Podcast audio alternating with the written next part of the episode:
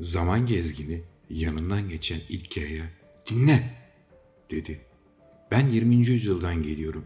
Sadece 15 dakikam var ve ondan sonra geri döneceğim. Sanırım beni anlamakta güçlük çekiyorsundur değil mi? Tabii ki seni anlıyorum. Aa, çok güzel İngilizce konuşuyorsun. Bu nasıl olabilir ki? Biz bu dile Amer İngilizcesi deriz. Ayrıca ölü diller üzerine öğrenim görmekteyim. Çok iyi. Neyse dinle. Benim sadece birkaç dakikam kaldı. Hadi konuya girelim. Konuya mı? Evet evet. Anlamadın mı? Ben bir zaman gezginiyim. Beni geleceğe göndermek üzere seçtiler. Ben önemli biriyim. Hmm. Fakat bir şey anlaman gerek. Bugünlerde sürekli olarak bizi zaman gezginleri ziyaret etmekte. Bak bu beni şaşırttı. Ama bununla ilgilenecek zamanım da yok. Tamam mı? Hadi konuya girelim. Pekala. Elinde ne var? Ne demek elimde ne var? Öbür adam içini çekti. Geleceğe gittiğini gösterecek bir kanıt edinmek zorunda olduğunu düşünmüyor musun? Şimdiden seni uyarayım. Zaman yolculuğu ile ilgili paradokslar, geçmişi değiştirebilecek herhangi bir bilgiye edinmeni önler. Geri döndüğünde belleğindeki buradaki olanlar konusunda hiçbir şey kalmayacaktır. Zaman gezgini gözlerini kırpıştırdı ve ''Ya öyle mi?'' dedi. ''Kesinlikle. Ancak seninle memnuniyetle değiş tokuşta bulunabilirim.'' Bak galiba bu son dediklerini takip edemedim. Değiş tokuşta ne demek istiyorsun? Gerçi senin öğrenden bir şey tarihi olmasının ötesinde bizi pek ilgilendirmemekte ama yine de senin yüzüne ait bir şeyle bana ait bir şeyi takas etmek istiyorum. Yayanın artık gözleri parlıyordu. Bende atomik bir çakı var. Sizin döneminize ait bıçaklara olan üstünlüğünü anlatmama gerek yok. Pekala, sadece 10 dakikam kaldı. Ama galiba haklısın. Burada olduğumu ispatlayacak bir şey edinmem gerek.'' Yaya kafasını salladı. Bıçağım işine yarayabilir. Evet ama biraz şaşırmış haldeyim. Beni son anda bu iş için seçtiler. Profesörleri riske sokmak istemediler anlıyor musun? Bu hayatımda gördüğüm en garip bıçak. Tamam, bunu bana kanıt için ver. Bir dakika dostum, sana niye bıçağımı verecekmişim ki? Karşılığında bana ne vereceksin?'' Ama ben 20. yüzyıldan geldim. Evet tamam ben de 30. yüzyıldanım. Zaman gezgini ona uzun bir süre baktıktan sonra dinle arkadaş fazla zamanım kalmadı. Saatime ne dersin? dedi. Hmm, başka neyim var? Para var. Onlarla sadece numismatikler ilgilenir. Bak bana 30. yüzyılda olduğumu kanıtlayacak bir kanıt gerekli. Elbette ama büyüklerimizin de dediği gibi iş iştir. Ah keşke bir silahım olsaydı.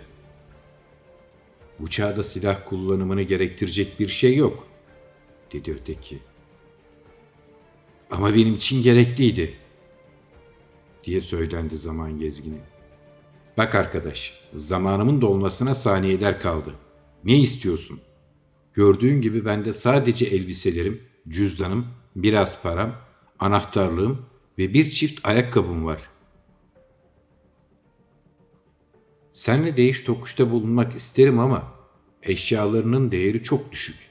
Şöyle bir sanat eseri, mesela bir alkap ya da buna benzer bir şeyin olsa, zaman gezgini sızlanmaya başladı.'' Yanımda sanat eseri taşıyor gibi bir halim mi var? Bak şu bıçak için iç çamaşırların dışında sana her şeyimi veririm. İç çamaşırlarını saklamak istiyorsun ha? Ne yapmaya çalışıyorsun? Anglo pazarlığı mı yapmaya çalışıyorsun? Yoksa sizin döneminiz bu terimden önce miydi? Anglo mu? Ne o? Anlayamadım. Eh, ben bir etimolog sayılırım. Ama Pek sayılmaz. Zevkli bir hobi, dedi Yaya. Şimdi gelelim Anglo pazarlığı cümlesine. Anglo kelimesi ilk olarak 1850-1950 dönemi esnasında yaygınlık kazandı. Yanlış hatırlamıyorsam ilk olarak esasında İngiliz kökenli olup Doğu Birleşik Devletleri'nden New Mexico'ya ve Arizona'ya bu bölgelerin Meksika'dan ayrılmasından hemen sonrasında gelen kişiler için kullanıldı. İspanyollar ve Kızılderililer. Bu doğudan gelenlere Anglo denmeye başlandı. Zaman gezgini sabırsızca "Bak arkadaş, gitgide konudan" dedi. Cümlenin nasıl türetildiğini incelemek bizi iki olaya daha götürmektedir. Bir kere bu Angloların 20. yüzyılın en zengin iş adamları oldukları gerçeğine kadar gitmekteyiz. Öyle ki kısa bir süre içinde dolarlarıyla dünyaya hakim olmuşlardı.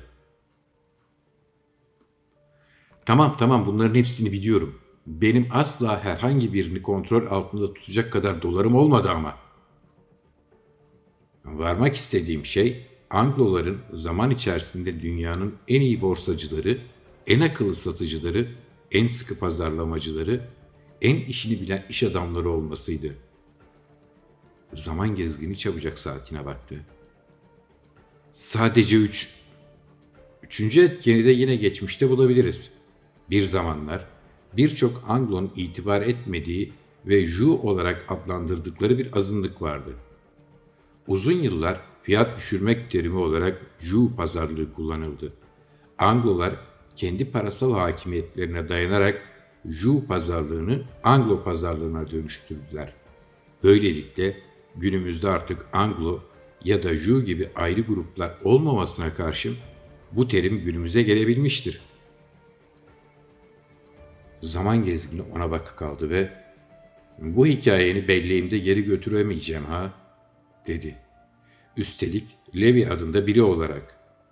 Saatine tekrar bakıp homurdandı. Çabuk şu takas işini bitirelim. Atomik bıçağına karşılık her şeyim. Anlaşma olmuştu. Kollarında gezginin eşyalarıyla 30. yüzyılın vatandaşı elleriyle sımsıkı ve mutlu bir şekilde bıçağı kavramış çıplak 20. yüzyıl vatandaşının gözden yavaşça kaybolmasını seyretti. Bıçak havada bir anasılı kaldı ve zaman gezginin tamamıyla kaybolmasından sonra yere düştü. Adam eğilerek bıçağı aldı ve cebine geri koydu. Bu da oldukça safmış. İtlerden biri olmalı. Anlaşılan bunlar paradoksu bir türlü anlayamayacaklar. Tabii ki zamanda ileriye doğru eşya taşıyabilirsin. Çünkü zaman boyutunun doğal akışı öyledir. Fakat akış yönü tersi olan geriye doğru hiçbir şeyi götüremezsin. Belleği bile. Evine doğru olan yoluna devam etti. Margaret eli belinde kapıda onu karşıladı. Kert aşkına nerelerdeydin? diye sordu. Kızmamalısın canım, dedi adam. Eve gelirken yolda bir başka zaman gezginiyle karşılaştım. Yoksa? Tabii ki yaptım. Neden yapmayacakmışım ki? Ben yapmasaydım başkası yapacaktı. Ama senin zaten dünya kadar elbisen var. Ah Margaret, olaya bu şekilde bakma. Bugünlerde bazı müze ve koleksiyoncular kadın şüphesini belli ederek omurdandı ve eve girdi.